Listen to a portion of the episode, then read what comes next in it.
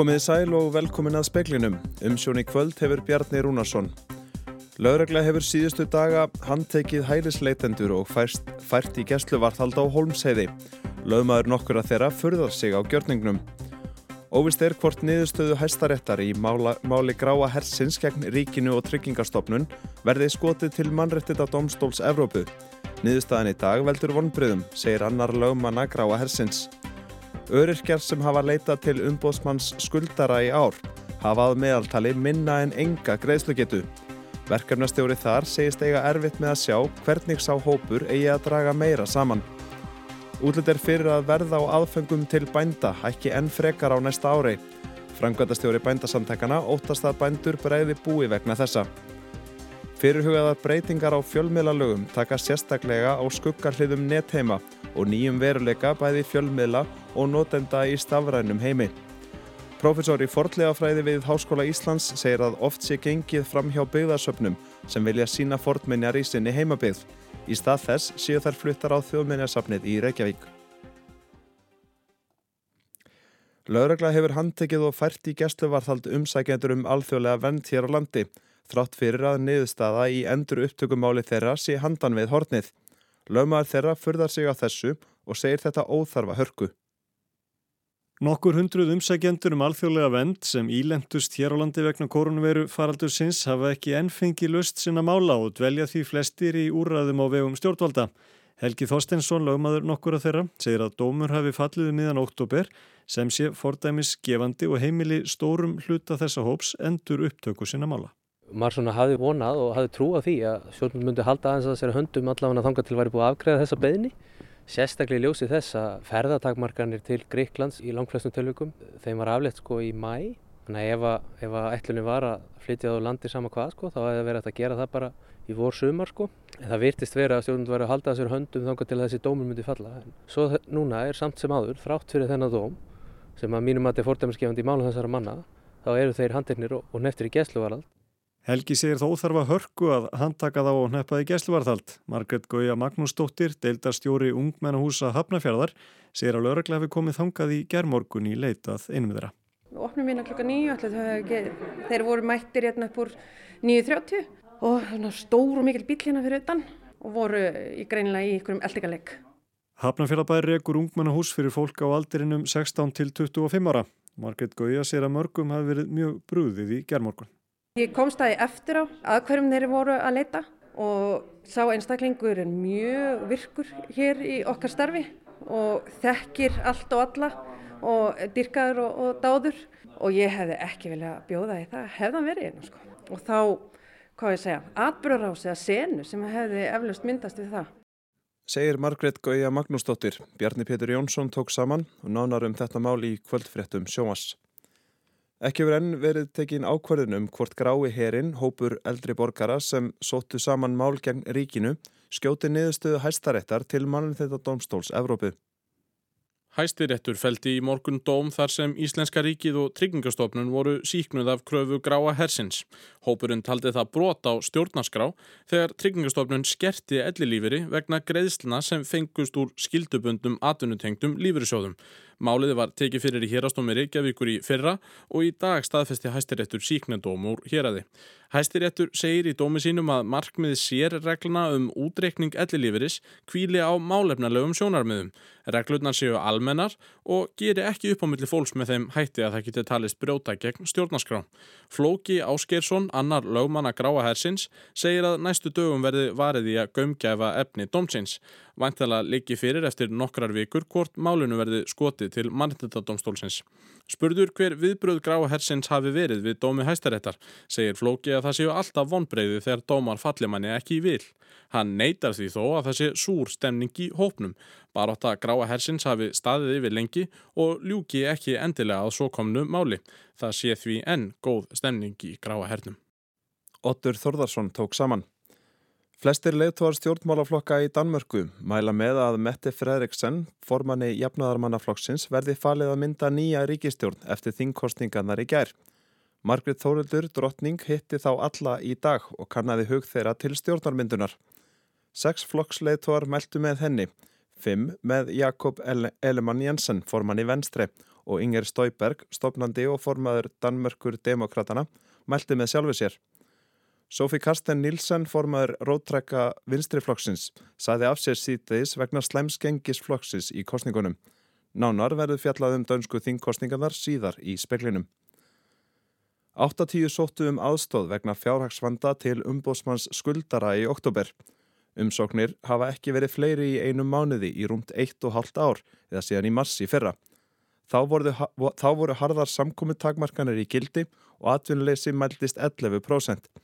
Sara Jasonardóttir, verkefnistjóri hjá umbósmanni skuldara, segir skýringuna núna vera hækkandi fastan kostnað fólks.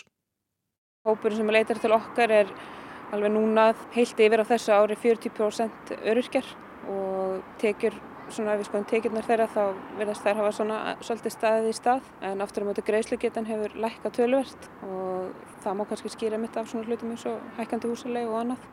Sangant gögnum frá umbásmanni skuldara er meðal greiðsligeta öryrkja sem þangað leita í árs minni en engin eða rúmlega 3500 krónur í mínus. Það er það sem eftirstendur þegar fólk hefur greitt öll först útgjöld, leigum, mat og annað slíkt. Í fyrra var meðal greiðsligeta þeirra rúmlega 26.000 krónur fyrir ákveðin hóp, vissulega hefur maður áhugjur af vetrinum og finnur það líka bara sjálfur á eigin skinni að það er alltaf hækka og það er erfiðar einhvern veginn að vera skynnsamur í matræðinköpum. Það kostar allt peninga og allt mikið þannig að það er erfitt að sjá hvernig fólk getur dreyið meira saman í þessum hóp. Segir Sara Jassunardóttir, hólfríðutani Fríðjansdóttir talaði við hana. Færri stöðugildi verða á leikskólum Reykjavíkur borgar sangvært fjárraks áallun næsta árs. Segir í tilkynningu frá borginni að vegna heimsfaraldusins hafi stöðugildum verið fjölgað til að takast á við hugsanlegar holvanir og aðgerðið sem kölluð á aukna mönnun. Það sem mat skóla og frístundasviðs að leikskólanir hafi verið yfir mannaður um 1-2 stöðugildi á hverjum leikskóla. Jáfnframt segir í tilkynningunni að leikskólar borgarinnar séu mannaður í samrami við þarfir sem taka með af aldri barna og engin afsláttur sé gefin af þjónustu sem snýrað umönnun þeirra. Upplýsinga óreiða, öryggi, hatus orðræða og fjölmiðla frelsi er meðal þess sem fyrirhugaðar breytingar á fjölmiðlalögum taka á. Reknaði með að fyrsta frumvarpið verði lagt fram á vorþingi. Heiðdís Lilja Magnúsdóttir, yfirlögfræðingur fjölmiðlanemdar, segir að tilstandi innleiða nýja reglur sem tryggja vernd, barna og mynddeili þjónustum á borðu í YouTube með frumvarpi sem væntanlega verður lagt fram á vorþingi. Og reglurna sem að gilda munu um þessar þjónustur eru í fyrsta lagi reglur um vennbarna gegn skadlegu efni, í öðru lagi bann við efni sem að hvetu til haturs, ofbeldis og hriðiverka og í þriða lagi reglur um auglýsingar, þar að segja þegar ég merkja þar með skýrum hætti og fleira. Önnur nýmæli í sama frumvarfi eru ákvæði um að streymisveitur tryggi að að minnstakosti 30% af því efni sem er í bóði sé evrópst. Og þessar kröfur verða gerða til allara streymisveitna á európska efnaðarsveðinu, þar á meðal Netflix í Evrópu. Aðra reglur úr smiðju Evrópusambansin sem stemt er á að lögfesta hér á landi snúa til dæmis að áskorunum og skuggarliðum netteima, upplýsingaóreiðu, djúbfölsunum og öðru vafasömu efni. Og fram til þessa hefur ekki ríkt mikið gagsægi um þessa starfsemi, það er alveg óhægt að segja það. Það eru að tala um algoritma, hvernig þeir eru notaðir, meðmælakerfi og fleira. Í reglugjörðum fjölmiðlafrelsi er síðan að finna ímis ákvæði um rittstjórnalegt sjálfstæði fréttamiðla, vernd heimildarmanna, sjálfstæði almanna þjónustu fjölmiðla, gagsægi eignarhalds og fleira. Gunnhildur Kjærólf Byrkistóttir tók saman. Ekkert land res eða seg er við herðubreið þar sem skjáltar hinnast hendur yfir. Í síðustu viku var greint frá að myndir úr insargerfinnettinum síndu enga aflugun í kringum herðubreið þótt hundruð ef ekki þúsundur járskjálta hefðu mælst þar.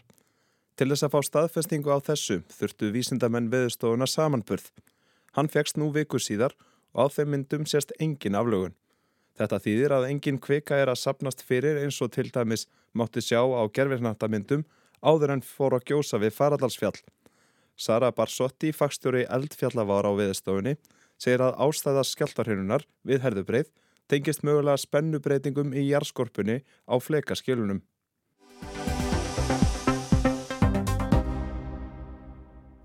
Margret Þórildur Danadrottning rætti í dag við leittóa allra stjórnmálaflokka landsins og hlustaði á skoðunir þeirra á hver eigi að verða næsti fósætisráð þeirra. Mette Fredriksson held í morgun á fund drotningar og baðst lausnar fyrir sig og ráðunöti sitt. Henni var falið að gegna fósætisráð þeirra embættinu áfram þar til nýr hefur verið skipaður. Að líkindum hún sjálf. Danir gengu að kjörborðinu í gær. Laust fyrir miðnætti að íslenskum tíma lágu úrslitin fyrir. Flokkur jafnaðarmanna undir fóristu Mette Fredriksen fekk flest atkvæði 27,5% og 50 menn kjörna. Það er tveimur fleira en á síðasta kjörtímabili.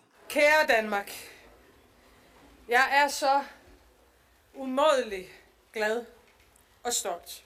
Kæra Danmörk, ég er svo óstjórnlega glöð og stolt, saði Mette þegar hún mætti á kostningavöku jafnaðarmanna í nótt. Hún sagði í siguræðunni að kostningabaróttinu væri lokið og grár hverstagsleikinn blasti við. Verkefni nýrar ríkistjórnar býða í röð, sagðun, og tók sem dæmi að velferðarkerfið hefði verið í fjársvelti, tví yrði að breyta. Hún skoraði á þingmenn allra flokka að taka þátti að bæta ástandið, ebla þjóðarhag og styrkja vinnumarkaðinn. Fleiri vandamál sagði Mette Fredriksson að væri við að glíma. Það væri stríði í Evrópu, orkuskortur, verðbólka og loftlagsbreytingar. Hún myndi á að þegar hún settist á þing árið 2001 voru þingflokkarnir átta. Nú er þeirri tólf fleiri en nokkuru sinni, sagðun. Þetta kallar á að samvinna flokkana aukist. Hún endaði sigur ræðuna á að skora á alla þingmenn hvar í flokki sem þeir standa að saminast um að koma landi og þjóð gegnum þá erfiðu tíma sem framundan eru skal det være min opfordring til alle partier i Folketinget, til alle medlemmer af Folketinget. Søg samarbejde. Søg løsningerne. Gør jeres indflydelse gældende. Vi skal trygt igennem usikre tider. Og kære Danmark, vi skal sammen igennem usikre tider. Mette Fredriksson lagði á það áherslu í kostningabaráttunni að ef henni eriði falið að mynda stjórnað kostningum loknum ætlaði hún að leita eftir stuðningi flokka begja megin við hérna pólitísku miðju. Ekki hafa allir flokksleðtóar tekið vel í þá hugmynd þeirra meðal er Jakob Ellemann Janssen, formaður venstre, stærsta flokksins í bláu blokkinni svo nefndu. Hann ítrekkaði skoðun sína í danskum fjölmiðlum í dag og sagði að flokkar getur vissilega unnið saman þóttir var ekki með ráð þeirra í ríkistjórninni. Þá sagði Mæ Villaðsen, leitu í einingarlistans, að hún skildi ekki hvers vegna Mette Fredriksson vildi fá flokka úr bláu blokkinni með í stjórn. Svo rauða hefði fengið 87 þingmenn kjörna og það ætti að næja til að þeir mynduðu saman stjórn þótt þrjá þingmenn vantaði upp á meiri hluta á þinginu. Þá hefur einingarlistin líst við yfir að hann ætli ekki að styðja ríkistjórn þar sem Lars Lökke Rasmussen og miðflokkur hans móti rattarne verður innanborðs. Ekki voru allir jafn ánaðir með úrslitin í nótt og Mette Fredriksen. Danski þjóðarflokkurinn, það gamla stórveldi, er orðins á minnsti á þingi með aðeins fimm fulltrúa. Fylgið hrundi af venstre og niðurstaðan fyrir íhaldsflokkin var allt önnur og lakari en skoðanakannanir hafðu sínt. Það varð Jóakim B. Olsen, stjórnmálaskýranda BT tilefni, til þess að benda á að það væri einingis einn könnun sem gildi og það væri svo sem kæmi upp úr kjörkossunum. Fyrir vikið sagði Olsen að Sören Pape Poulsen, formaður íhaldsflokksins, hefði fengið harðan magaskell. Það er kun einn måling der tæller og det er den vælgerne kommer med på valgdagen. Sikke en maveplasker for Søren Pape Poulsen. Kristilegir demokrater og frjálsir grænir náðu ekki manni á þing í kostningunum í gær. Hvorum sig fekk innan við 1% atkvæða. Rasmus Paludan, leittóið þjóðarnisflokksins stram kurs eða stífrar stefnu, fekk heldur ekki brautargengi. Hann er dæmdur eldirhellir og að margra mati hreitn og klár fasisti. Paludan bauð sig fram utan flokka. Hann hefði þurft að fá um það byrj 20.000 atkvæði til að komast á þing en reyndist hafa fengið 379. Flokkurinn ætlaði að taka þátt í kostningunum. Til þess hefði hann þurft að fá 20.182 meðmælendur en tókst ekki ætlunarverk sitt. Ásker Tómasson tók saman.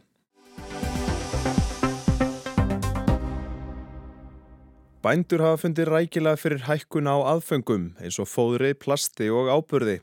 Ástæðan er svo að hráefni til ábyrðarframleyslu eru meðal annars í Rúslandi.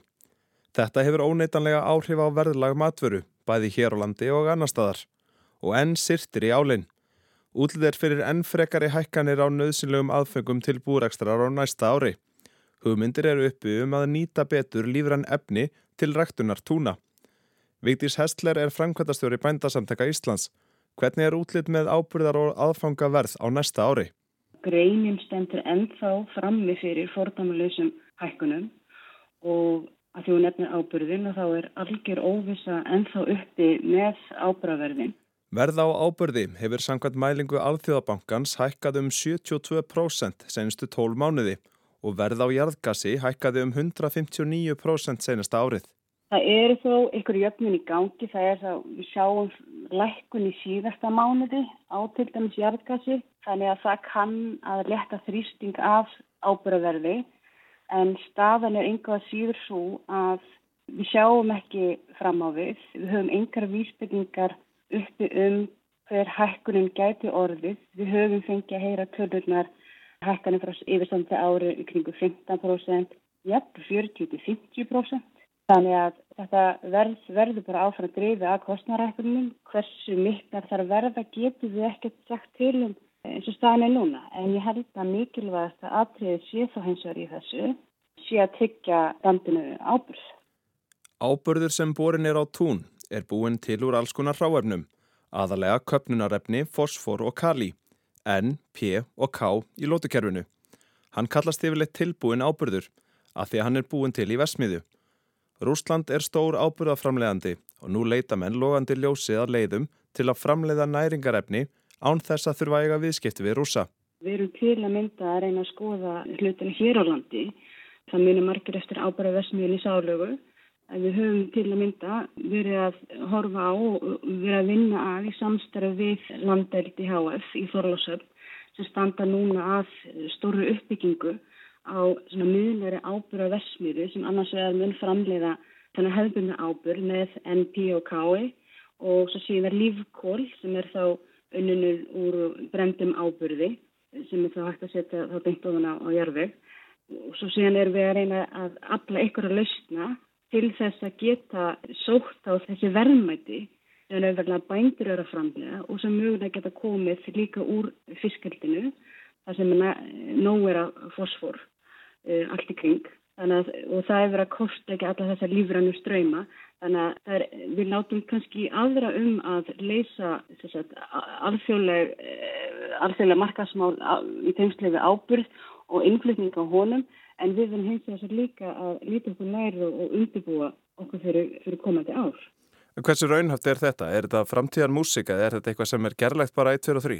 Þetta er, við erum að vinna af eh, áallun sem lítur þannig að við getum hugsanlega hafist setni past á næsta ári, strax 23. Við vitum líka til að mynda eins og með kalkþörunga versmiðina á vestfjörðum að þeir eru til að mynda með áburð sem innifellur í sér starfsætta enni, sagt kvötnirarni og, og það er ekkert kringum 7 tonn sem er að falla til bara á þeirri versmiðu sem hægt er að nýta á tún, eh, hugsanlega blanda saman með lagseldi seiru. Þannig að það eru, jú, það rauninni er bara, við þurfum fyrir að fyrsta að byrja að kostleika þessa lífrannu ströyma, tryggja eh, verkefnum og áallunum fjármagn og bara hefjast handa. Vikti segir að með þessu móti sé næringaþörum planta mætt nokkuð vel.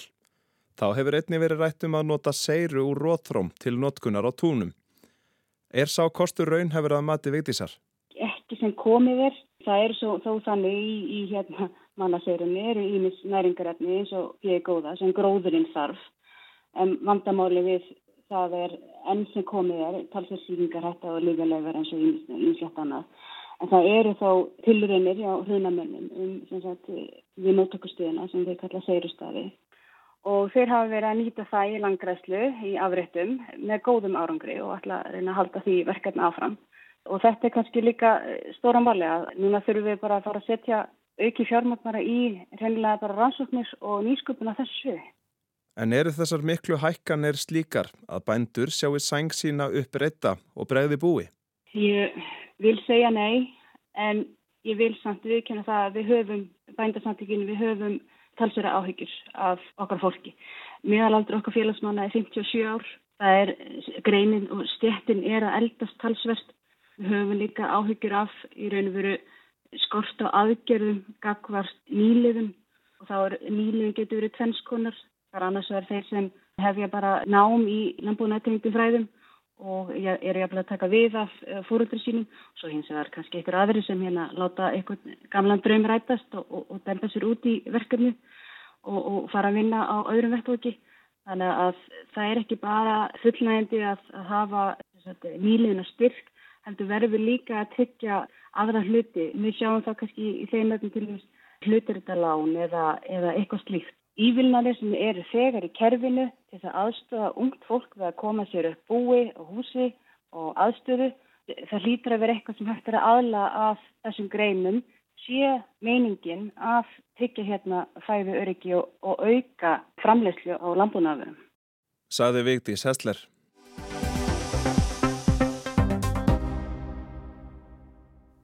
Mikill meiri hluti minja sem fundist hafa í fordleifa uppgreftri á landsbyðinni á undaförnum árum er í geimslum þjóðminnasaps Íslands á höfuborgarsvæðinu. Profesor í fordleifa fræði við Háskóla Íslands segir að oft sé gengið fram hjá beigðarsöpnum sem vilji sína minjarnar í heimabið. Steinun Kristjánsdóttir, fortleifafræðingur og professor við Háskóla Íslands hefur verið gaggrínin á þessa stefnu við minjavörslu frá árinu 1995 þegar hún tók við starfið sapnstjóra á minjasapni Östurlands. Þá hafi nær allir jarðfunnir gripir í sveitarfélaginu verið fluttir til Reykjavíkur á þjóðminasapni Íslands og erfitt hafi reynst að fá þá í þeirra vörslu eða að láni til að sína í heimabegð og ég benti það á þá bara samkvæmt þákildandi menningamindlögum að þá átti, átti að geima jarðfendna gripi á höfuminnissafni eða því safni sem tilherir því svæði sem að minnjarnar hefði fundist. Og þetta, mér fannst þetta ákvæði ekki hafa verið virt eh, og ég stóð í miklum barningi út af þessu vegna þess að Það til dæmis mitt fyrsta verk sem Sapstjóri Minnesaps Austurlands var að grafa upp kum sem fannst þá í Skriðdal og síðan er það bara í, í svona þegar að uppgröftinu minn lókið þá kemur ljósa allar þessa minjar ættu að fara söður á þauðminnesafnið og ég stóði í tölveri stríði um það að halda þessu minjum fyrir austan og það gekk nú ítla og, og, hérna, og endanum voru það hennilega bara fluttar úr safninu og svona það var alltaf ástæðan fyrir því væri það að safniði væri ekki nógu vel stakk búið til þess að varfita svona minjar sem var hennilega ekki satt þannig að þetta var nýtt satt og það var búið að gera allt til þess að, að uppfylla þar kröfur sem söfn eiga að, að uppfylla Baráttunum að halda minnjunum úr kumlinu grafreit síðan á vikingaöld fyrir austan er langt frá því að vera einstæmi að sögn steinunar. Hún segist þekkja mörg dæmi þess síðustu áratvíi að byggðasögn hafi viljað varðvita og sína minnjar úr sinni heimabygð en þeim beðnum hafi verið sinjað.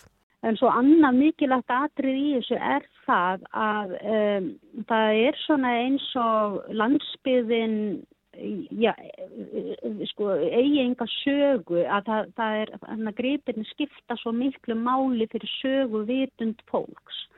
Og uh, gripir sér teknir úr samhengi sem, það, þar sem þeir eru að það, það, býr til einhver svona skakka mynd. Og þannig að mér finnst, finnst mjög mikilvægt að söfnin fengju tækifæri til þess að sína þessa gripi sem eru úr, úr héræðinu þar sem að söfnin eru rekin. Í núgildandi lögum er þjóðminjarsafn Íslands titlað sem höfuð safn landsins á sviði menningarminja. Það annist söfnun, skrásetningu, varðveistlu og rannsóknir á minjum um menningarsögu þjóðarinnar og kynningu þeirra bæði innanlands og utan. Svo segir einnig í lögunum að þjóðminjasöfninu beri að vera byggðasöfnum og öðrum minjasöfnum til ráðgjafar og stuðlaða samvinnu söfna. Á byggðasöfnum megi höfuð áherslan að vera á söfnun eða síningu gripa sem telja megi einkennandi eða hafi sögulegt gildi fyrir viðkomandi byggðarlag eða landsfjörðung. Ágústa Kristófersdóttir er framkvæmdarstjóri söfneignar hjá þjóðminjasöfninu. Þessi umræð hefur alltaf komið upp öðru kóru og, og hérna En lögin voru síðast endur skoðið þarna í kringum 2010 og sem samtikt 2012 og þá var ákveðið að þetta ákveði væri ennþá þannig að þeir skripur sem finnast í jörðu eru eign ríkisins og ber að skila í, til þjóðminnarsafsins. Lögum samkvæmt ber fordleifafræðingum að lokinir hann sókna skila skýrslu til minnjastofnunar og skila gripunum síðan bynt til þjóðminnesapsins. Ágústa segir að ekkert þetta vera því til fyrirstöðu að byggðasöfn tækju svo við gripunum aftur en þau þurfi þó að uppfylla ákveðin skilirði. Ef þau skorti til þess fjármagn væri það í höndum minnjastofnunar að gera breytingar á fjárveitingum til minnjavörslu sem Ágústa segir að þau hjá þjóðminjasafninu telji tímabært að skoða. Almennt segir hún að þau taki vel í beðnir um að greipir séu sindir í heimahjörðum en þær strandi ofta á ofullnægjandi aðbúnaði byggðasafnana. Sko við náttúrulega meðum aldrei bara að hugsa út úr deginum í dag. Eh, þjóðminjasafni hefur sko e, mjög mikla ábyrgakast framtíðinni líka. Þannig að við getum ekki tekið í raun og veru áhættu með aðstæður þeirra gripa sem að við okkur er falið að varveita. Þannig að, að hérna, sumum kann kannski að finnast þær svona uh, það, það reglur sem við setjum fram ítingjandi. En, en við reynum nú samt að gæta meðalhófs. Steinun Kristjánsdóttir forðlefafræðingur og prófessor er ekki sammála því að þjóðminnasafnið gæti alltaf meðalhófs í þessum efnum. Byggðasöfnum sé þröngt sniðin stakkur þegar kemur að fjármagni, lítill vilji hafi verið til að gera þeim kleift að sína gripi úr heimabyggð og lítill skilningur á mikilvægi þess að minnisveitarfélög hafi menningar minjar sínar nærri. Steinun segir að mörg söfn á landsbyðinni hafi alla burði til þess að sína viðkvama gripi. Mikil fagþekking sé á byggðasöfnum á landsbyggðinni sem mætti nýta mikið betur. Það eru ekki nema eitthvað en um fimm ár síðan að greipur var tekin af safni út af landi, af síningu á safni út af landi og fluttur á þjóðminnarsafnið inn í geimslur af því að hann mátti ekki vera þar. Og þetta sínir, þetta dæmi um það hvernig þetta viðþorfir til safnan út af landi. Mm -hmm. Þannig að það verður ekki endilega verið þín tilfinningu að þetta sé eitthvað að breytast uh, síðan að þú varst þarna á, á Östurlandinu um, um 2000? Nei, það hefur ekkert breyst nema kannski síður sé myndi ég segja. Mér finnst þetta að hafa vestnað og þetta dæmi um það að uh, starfsmæði þjóðminnisapsins hafi geta leitt sér að koma inn á sapnúta landi og fjarlæga grip af síningu finnst mér mjög alvarlegt og sína svona viðþorfin og ég kom nú aðeins að máli að því ég var nú beðin um að skrifa skýslunda og þá hyrði ég þessi viðþorf inn á þauðminusafni að það ættir hreinlega að loka þessum safnum út á landi. Og það var Óluf Rún Erlendstóttir sem tók saman og rætti við Steinunni Kristjánsdóttir og Ágústu Kristófersdóttir. Það var helst í speiklinum í kvöld að lögregla hefur síðustu daga handtekið hælisleitendur og fært í gæsluvarthald á Holmsheiði Lögmaður nokkur að þeirra förðar sig á gjörningnum. Óvist er hvort niðurstöðu hæstaréttar í máli gráa hersins gegn ríkinu og tryggingarstofnun verði skotið til mannréttinda domstóls Evrópu. Niðurstaðan í dag veldur vonbriðum, segir annar lögmanna gráa hersins. Öryrkjar sem hafa leitað til umbóðsmanns skuldara í ár hafa aðan meðaltali minna en enga greiðslugetu. Verkanastjóri þar segist eiga erfitt með að sjá hvernig sá hópur eigi að draga meira saman. Útlitt er fyrir að verða á aðfengum til bænda hækki enn frekar á næsta ári. Framkvæmdastjóri bændasamtakana óttast að bændur bregði búi vegna þessa. Fyrirhugaðar breytingar á fjölmiðlalögum taka sérstaklega á skuggarliðum netheima og nýjum veruleika bæði fjölmiðla og notenda í stafrænum heimi. Profesor í forlegafræði við Háskóla Íslands segir að oft sé gengið fram hjá byggðasöpnum sem vilja sína fortminjar í sinni heimabyggð Í stað þess séu þær fluttar á þjóðminnarsafnið í Reykjavík. Ekkert land, ris eða sig er við herðubreið þar sem skjáltar hinnar stendur yfir. Lítum þá til veðurs. Norðan og norðaustan 8-15 metrar á sekundu, ryggning eða slitta með köplum, engum um landið norðaustanvert en úrkomu lítið vestanlands. Hiti 0-7 stig, mildast siðst. Á morgun norðan 5-13 metrar á sekundu, Ryggning öðru hverju á norður og austurlandi en þurft og víða bjart sunnan heiða. Það er ekki fleira í speklinum í kvöld. Tæknum aður í útsendingu var Mark Eldredd. Frétta útsendingu stjórnaði Valgerður Þorstensdóttir. Við verðum hérna aftur á morgun. Takk fyrir samfélgina og verðið sæl.